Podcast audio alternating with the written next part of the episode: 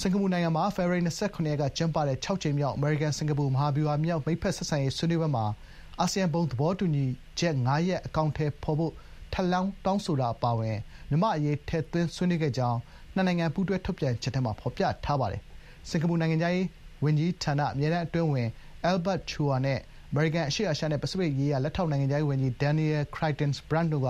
အမေရိကန်-စင်ကာပူ မဟာဗျူဟာမြောက် မိတ်ဖက်ဆက်ဆံရေး ဆွေးနွေးပွဲမှာ ပူးတွဲ သဘာပတိအဖြစ် တွေ့ဆုံ ဆွေးနွေးခဲ့ကြတာပါ။